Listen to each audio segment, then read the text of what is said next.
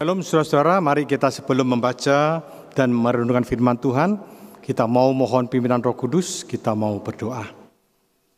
Bapak di surga, tiba saatnya kami akan membaca dan merenungkan firman-Mu. Kami sadar akan segala kelemahan dan keterbatasan kami. Untuk itu Tuhan kami memohon pertolongan roh kudus untuk memampukan kami.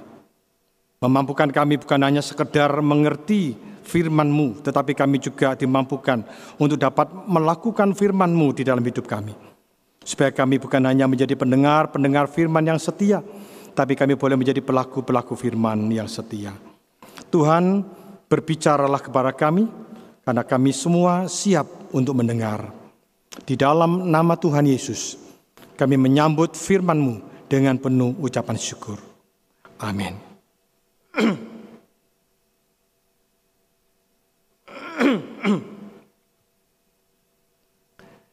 Mari Bapak Ibu saya ajak kita bersama-sama membuka Alkitab kita di dalam kitab Keluaran pasalnya yang ke-33 ayatnya yang ke-15.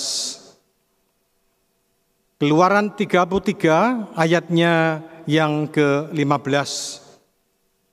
Demikian bunyi firman Tuhan. Berkatalah Musa kepadanya, "Jika engkau sendiri tidak membimbing kami, janganlah suruh kami berangkat dari sini." Saya akan ulangi saudara-saudara, berkatalah Musa kepadanya yaitu kepada Tuhan, "Jika engkau sendiri tidak membimbing kami, janganlah suruh kami berangkat dari sini." Sampai demikian jauh pembacaan kita pagi ini berbahagialah setiap kita yang membaca, merenungkan dan yang terpenting melakukan firman Tuhan di dalam hidup kita hari demi hari. Bapak Ibu dan saudara-saudara yang dikasih oleh Tuhan, pada waktu perang saudara terjadi di Korea, suatu ketika tentara Korea Utara melakukan serangan menjatuhkan bom di kota Seoul dan waktu itu banyak gedung-gedung yang hancur banyak rumah-rumah yang hancur, banyak orang-orang yang diam di dalam rumah meninggal dunia karena terkena bom. Sehingga pada waktu itu saudara-saudara semua orang cepat-cepat keluar dari rumah.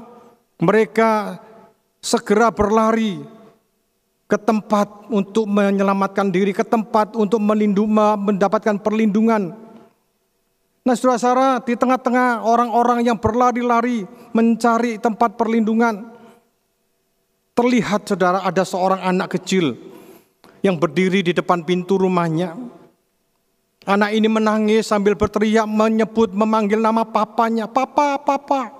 Karena papanya mungkin sedang keluar. Dan waktu itu saudara, tetangganya, temannya, saudaranya, familinya itu mendatangi dia dan mengajak, ayo pergi, ayo kita menyelamatkan diri, ini bahaya, kamu bisa kena bom, kamu bisa mati.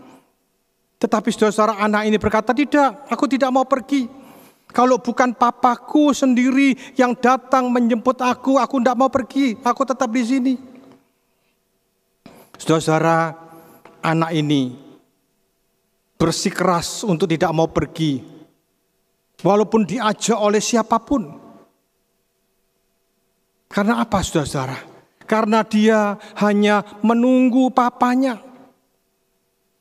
Dia katakan kalau bukan papaku sendiri yang menjemput aku, aku tidak akan pergi. Nah saudara mengapa anak ini begitu memiliki keyakinan bahwa papanya itu dapat menolong dia. Dapat menyelamatkan dia. Karena anak ini mengenal betul siapa papanya. Dia tahu betul kemampuan papanya yang bisa menolong dan menyelamatkan dia. Nah Bapak Ibu dan Saudara-saudara yang dikasih oleh Tuhan. Pengalaman yang hampir sama itu jika dialami oleh Musa di dalam pembacaan kita pada pagi hari ini. Di mana saudara-saudara di dalam pembacaan kita pada waktu itu Musa setelah memimpin bangsa Israel keluar dari tanah perbudakan di Mesir. Pada waktu itu saudara-saudara mereka tiba di Gunung Sinai. Setelah mereka beberapa lama di Gunung Sinai, lalu Tuhan berkata kepada Musa, Musa, sekarang pergi, bawalah orang-orang Israel ini untuk berjalan menuju ke tanah perjanjian, yaitu tanah Kanaan. Tanah yang perlu penuh berlimpah dengan susu dan madu.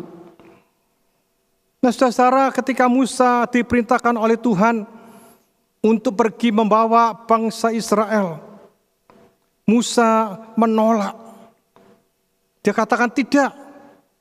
Kalau Bukan engkau sendiri yang membimbing kami, karena kami tidak akan berangkat dari tempat ini.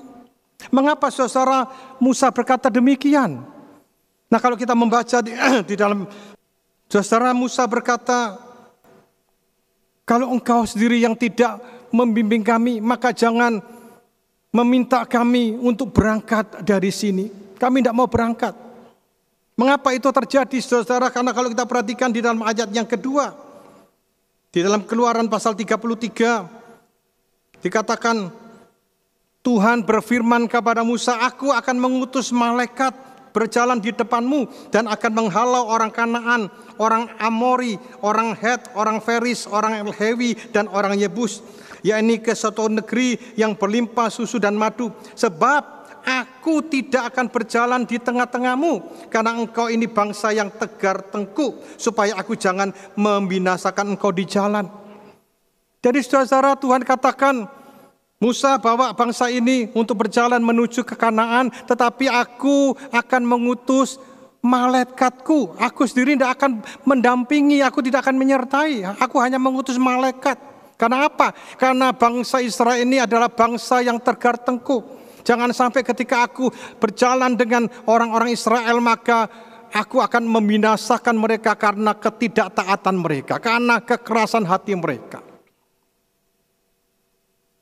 Tetapi saudara kalau kita perhatikan di dalam ayat ke-14, di situ Tuhan berkata, Lalu ia berfirman, Aku sendiri hendak membimbing engkau dan memberikan ketentraman kepadamu. Di satu sisi Tuhan tidak akan memimpin bangsa Israel, tidak akan beserta dengan bangsa Israel, umat Israel, tetapi Tuhan akan beserta dengan Musa. Tuhan akan menyertai Musa dan memberi Musa ketentraman. Nah saudara, ternyata inilah yang membuat Musa mengatakan tidak. Kalau bukan engkau sendiri yang membimbing kami, bukan hanya membimbing saya, bukan hanya menyertai saya, tetapi semua umat Israel umat Yahudi. Bangsa bangsa pilihan Allah. Kalau bukan engkau sendiri yang membimbing kami semua, maka kami tidak akan berangkat dari tempat ini. Nah saudara yang dikasih oleh Tuhan. Mengapa Musa begitu rindu, begitu sungguh-sungguh meminta Tuhan berjalan bersama dengan mereka? Kalau kita perhatikan saudara-saudara, permohonan daripada Musa ini sebenarnya mengandung pengakuan, mengandung pengenalan yang dalam Musa terhadap Allah. Musa tahu betul siapa Allah yang dia layani. Musa tahu betul siapa Allah yang memerintahkan dia untuk membawa bangsa Israel berjalan menuju ke tanah Kanaan. Oleh sebab itu makanya saudara-saudara dengan pengenalan inilah maka dia tahu bahwa Musa membutuhkan Tuhan. Musa ingin Tuhan berjalan bersama dengan mereka menuju ke tanah perjanjian. Nah saudara-saudara yang, yang dikasih oleh Tuhan dibalik daripada permohonan daripada Musa ini. Ternyata ada pengakuan yang mendalam tentang siapa Allah. Hari ini kita akan belajar paling tidak ada dua atribut Allah yang dikenal, yang diakui oleh Musa. Sehingga dia sungguh-sungguh membutuhkan Allah yang seperti itu. Memimpin mereka, membimbing, menyertai mereka, berjalan dengan mereka. Menuju ke tanah perjanjian. Atribut yang pertama saudara-saudara Musa mengenal Allah itu adalah Allah yang maha kuasa. Karena Allah itu adalah Allah yang maha kuasa, maka Allah itu adalah sumber pertolongan. Dan inilah yang dibutuhkan oleh Musa. Karena Musa tahu ketika mereka berjalan menuju ke tanah kanaan mereka akan melewati daerah-daerah di mana ada banyak bangsa-bangsa yang mungkin akan menyerang mereka. Bangsa-bangsa yang mungkin akan mencoba untuk menawan mereka karena mereka berpikir oh ini umat Israel, ini adalah bangsa bekas budak di Mesir. Orang-orang yang lemah, orang-orang yang tidak memiliki kemampuan berperang, tidak memiliki senjata dengan begitu mudah ditaklukkan. Itulah yang membuat ketakutan Musa. Ketika mereka nantinya berhadapan dengan bangsa-bangsa pasti mereka akan kalah. Maka mereka mungkin akan bisa ditawan. Bahkan mereka akan diperbudak lagi seperti dulu mereka diperbudak di Mesir. Musa ketakutan. Walaupun dia akan disertai Tuhan, tetapi dia tetap takut. Makanya dia katakan Tuhan, kalau engkau tidak berjalan dengan kami, kalau engkau sendiri tidak membimbing kami, maka kami tidak akan pergi dari tempat ini. Saudara yang dikasih oleh Tuhan, di dalam kehidupan kita hari ini, di masa-masa pandemi, kita melihat bahwa pandemi COVID-19 ini telah melumpuhkan berbagai aspek kehidupan manusia. Selain aspek kesehatan, karena virus ini membawa dampak kesehatan yang sangat berbahaya, yang sangat mematikan. Tetapi saudara, pandemi ini juga membawa aspek ekonomi terganggu. Banyak negara-negara besar Amerika, Tiongkok, negara-negara maju, Singapura, bahkan Indonesia juga mengalami resesi. Karena apa? Karena pertumbuhan ekonomi sangat lambat merosot. Banyak perusahaan-perusahaan yang bangkrut, banyak orang-orang yang harus kehilangan pekerjaan karena di PHK karena perusahaannya tutup. Pandemi COVID-19 juga membawa dampak Bukan hanya kesehatan, ekonomi juga di dalam dampak kehidupan sosial, keluarga. Banyak keluarga-keluarga yang mengalami kehancuran, banyak keluarga yang bercerai karena pandemi COVID-19. Di Tiongkok, saudara-saudara, angka perceraian setelah lockdown itu meningkat. Bahkan juga di Arab Saudi, bahkan juga di negara-negara yang lain, saudara-saudara. Karena apa? Karena ternyata COVID-19 ini membuat orang tidak bisa keluar rumah. Suami yang biasanya harus bekerja dari pagi sampai sore, pulang malam.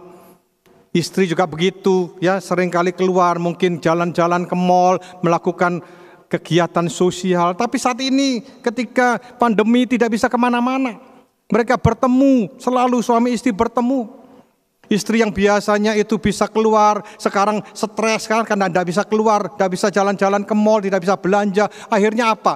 Marah-marah, gampang emosi, akhirnya cerewet dan sebagainya. Akhirnya suami tidak tahan dengan omelan, dengan cerewetan istrinya. Akhirnya banyak suami-suami yang melakukan tindakan KDRT.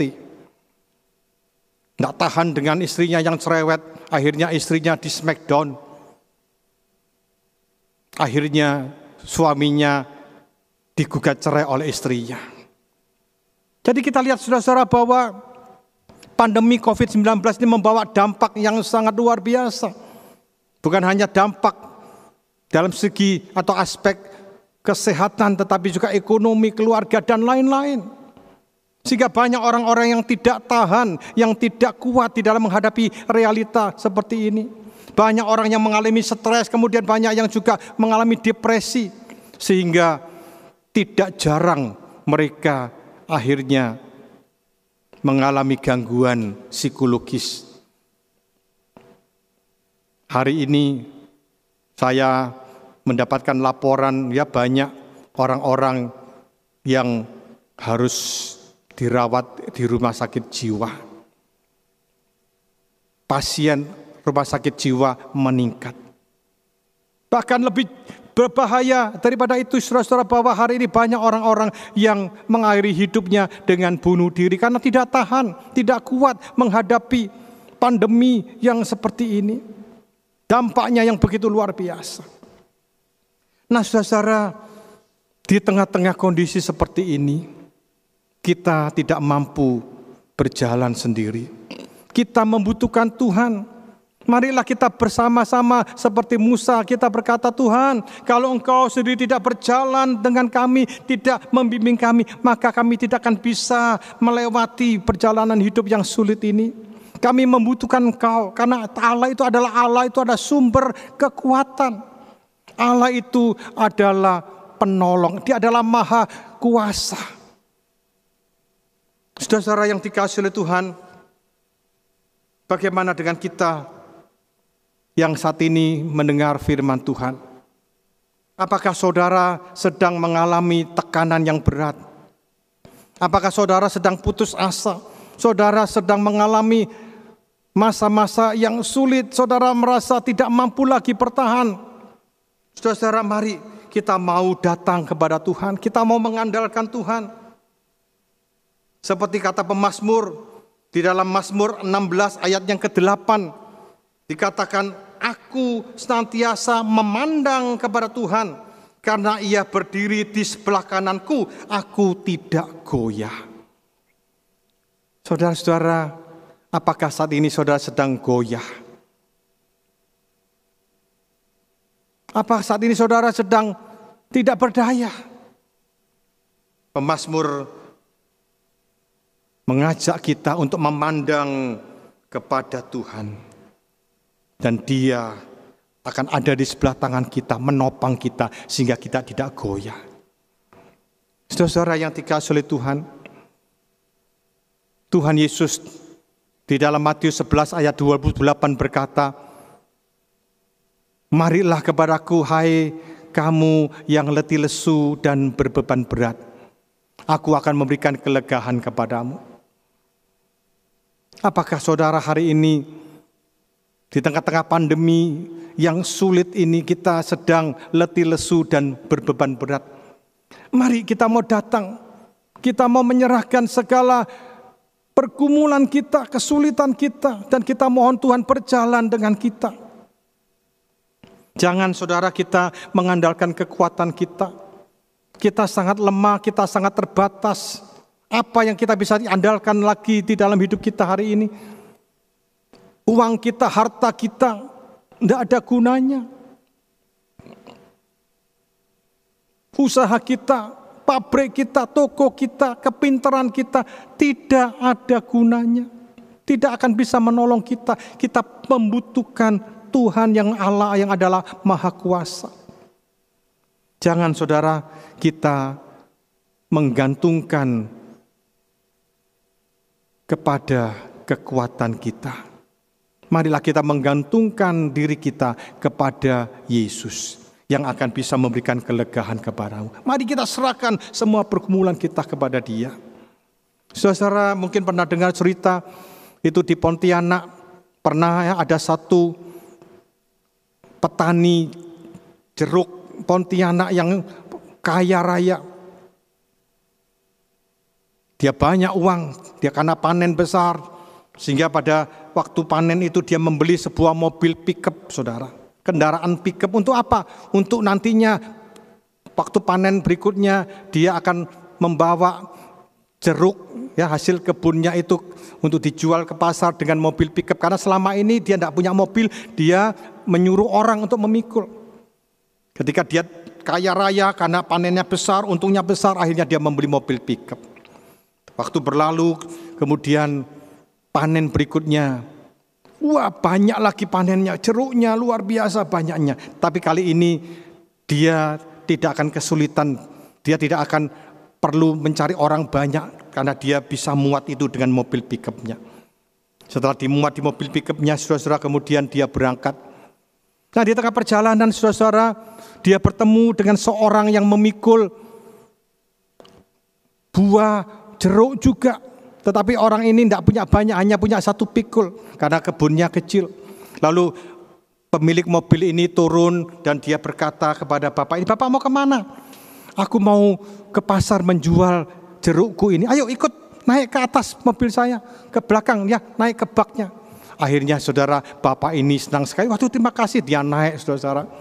Akhirnya mobilnya terus berjalan menuju ke pasar. Tapi baru sampai di pasar saudara, bapak pemilik mobil ini berhenti. Dia turun dari mobilnya, kemudian dia lihat ke belakang. Apa yang terjadi, saudara-saudara, bahwa ternyata bapak yang tadi yang diajak itu naik. Ternyata bapak itu sambil naik mobil pickup sambil mikul, saudara. Mikul apa? Mikul jeruknya. Bapak yang punya mobil katakan, lo kamu jangan mikul. Taruh aja, ngapain kamu pikul? Kamu kan sudah naik mobil saya. Aduh bapak jangan ya, saya ini sungkan. Saya kan sudah ikut orangnya, sudah nunut orangnya, sudah cukup. Biar ini tak pikul sendiri. Nah saudara orang ini agak kurang pinter ya. Agak hempen saudara. Dia pikir bahwa dia memikul itu tidak membebani mobilnya buat apa? Sama saja padahal itu sudah ditanggung oleh mobilnya. Harusnya dia letakkan itu buat apa dia pikul sendiri. Nah sering kali banyak orang-orang Kristen seperti ini. Di tengah-tengah kehidupan, di tengah-tengah pergumulan hidup yang sulit, sering kali mereka mencoba memikul sendiri. Padahal Tuhan katakan, ayo serahkan kepadaku. Yang letih lesu datang, serahkanlah pergumulanmu, aku akan memberikan kelegahan. Seringkali kita katakan, Tuhan jangan Tuhan, engkau sudah mati di atas kayu salib, menebus dosaku, tapi biarlah masalahku, aku pikul sendiri Tuhan. Makanya sering kali banyak orang Kristen akhirnya tidak ada sukacita putus asa, dan akhirnya menyerah di dalam menghadapi pergumulan hidup.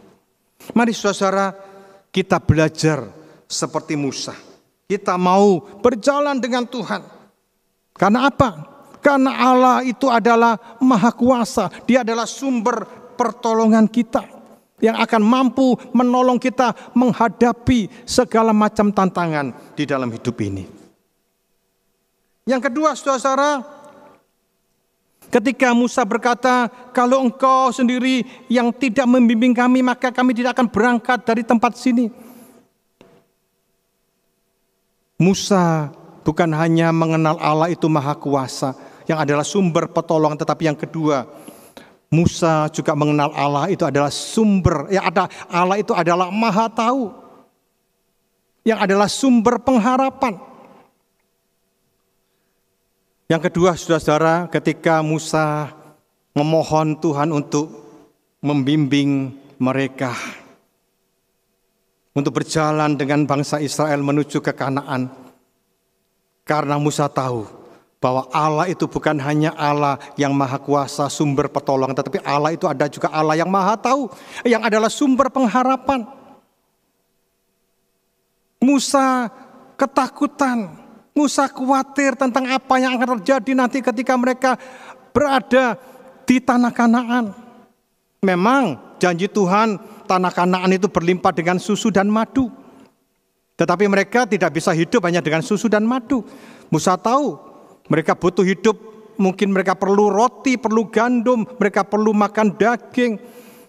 Apakah di sana ada ternak? Apakah mereka di tanah itu ada tanah yang subur untuk bisa bisa menanam untuk menanam tanaman, tumbuhan, sayur-sayuran dan sebagainya.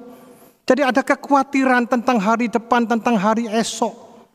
Makanya saudara Musa berkata, Tuhan, kalau engkau sendiri tidak membimbing kami, kalau engkau tidak berjalan dengan kami, kami tidak akan berangkat, kami takut, kami khawatir tentang hari esok.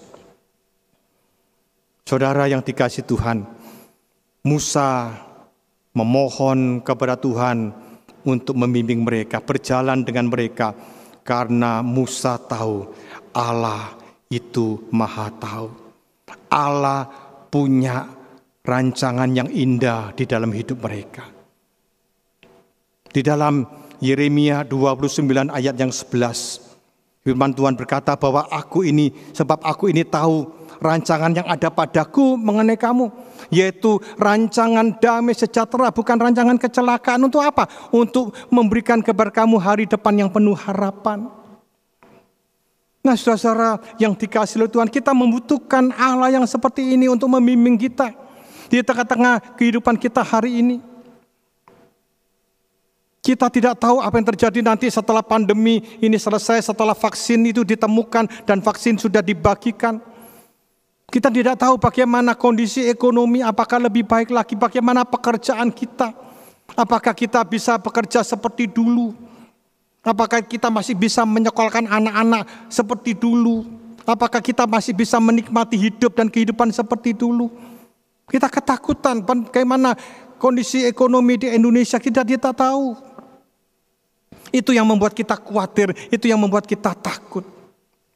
Tetapi saudara, hari ini kita bersyukur Musa menawarkan kita kepada satu pribadi, mengajak kita untuk mengenal satu pribadi yang luar biasa, yaitu Allah yang Maha Tahu, Allah yang memiliki masa depan kita masa depan yang penuh dengan pengharapan, masa depan yang penuh dengan damai sejahtera. Nah, saudara-saudara sering kali kita bertanya, kalau memang Tuhan itu punya rencana yang indah di dalam kehidupan saya, tapi mengapa saya harus mengalami masalah seperti ini sekarang? Mengapa saya harus mengalami sakit penyakit? Mengapa saya harus mengalami kehilangan pekerjaan? Saya harus mengalami kemerosotan ekonomi, kebangkrutan dan macam-macam. Saudara-saudara sering kali kita tidak mengerti memang kehendak Tuhan, rencana Tuhan. Tapi sering kali kita akhirnya membuat kita marah, kita menyalahkan Tuhan, bahkan kita ragu kepada Tuhan. Saudara-saudara ingat,